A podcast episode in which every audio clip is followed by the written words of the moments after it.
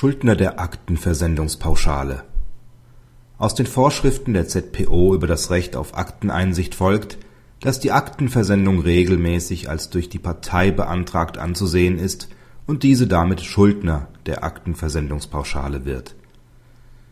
Der Anwalt hatte die Gerichtsakten zur Einsichtnahme in seinen Kanzleiräumen angefordert. Mit Übersendung der Akten sind ihm gemäß Nummer 9003 Kostenverzeichnis zum Gerichtskostengesetz 12 Euro Aktenversendungspauschale in Rechnung gestellt worden. Auf die Erinnerung hin hat das LG den Kostenansatz in Verbindung mit der ergangenen Rechnung aufgehoben. Die hiergegen zugelassene Beschwerde des Bezirksrevisors zum OLG blieb ohne Erfolg. Das OLG Düsseldorf geht davon aus, dass sich aus dem Gesetz nicht eindeutig entnehmen lasse, wer Schuldner der Aktenversendungspauschale sei aus dem Gebührentatbestand der Nummer 9003 Kostenverzeichnis zum Gerichtskostengesetz. Folge unmittelbar nichts. Zwar ordne § 28 Absatz 2 GKG an, dass die Auslagen nur schulde, wer die Aktenversendung beantragt habe, auch diese Regelung kläre jedoch nicht zweifelsfrei, ob der handelnde Prozessbevollmächtigte damit zum Kostenschuldner werde oder die von ihm vertretene Partei aus den Regelungen der ZPO über das Akteneinsichtsrecht und die Prozessvollmacht folge vielmehr, dass eine Aktenversendung regelmäßig als durch die Partei beantragt anzusehen sei.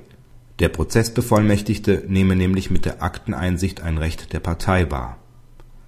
Das Recht zur Akteneinsicht folge aus § 299 Absatz 1 ZPO und stehe, anders als nach § 147 StPO maßgeblich den Parteien zu.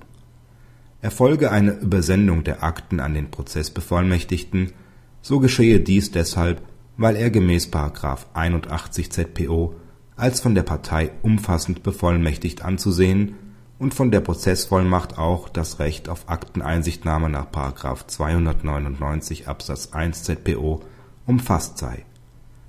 Dann aber müsse erst recht der zuvor gestellte Antrag auf Aktenübersendung zum Zwecke der Einsichtnahme als von der Prozessvollmacht umfasst angesehen werden, mit der Folge, dass der Antrag als im Namen der Partei gestellt anzusehen sei. Das OLG Düsseldorf stellt darauf ab, dass die Akteneinsicht im Interesse und im Namen des Mandanten genommen werde. Dieser Ausgangspunkt ist zwar zutreffend, bei dem hier streitigen Auslagentatbestand geht es jedoch nicht um eine Akteneinsichtspauschale, sondern um eine Aktenversendungspauschale die Auslagen fallen nicht für die Akteneinsicht an, die kostenlos auf der Geschäftsstelle vorgenommen werden kann, sondern nur für die Aktenversendung. Eine Versendung der Akten kann aber nur an den Anwalt erfolgen. Dieser beantragt die Aktenversendung, da er sich den Zeit und Arbeitsaufwand ersparen will, der damit verbunden wäre, auf der Geschäftsstelle Akteneinsicht zu nehmen. Die Versendung dient also den Eigeninteressen des Anwalts und seiner Arbeitsorganisation. Die ganz überwiegende Rechtsprechung sieht daher den Anwalt als Kostenschuldner an. Konsequenzen hat die Beantwortung der Frage der Schuldnerschaft nicht nur dafür, wer letztlich für die Kosten haftet, sondern sie ist auch ausschlaggebend dafür, ob die Weiterberechnung an den Mandanten umsatzsteuerfrei ist oder nicht.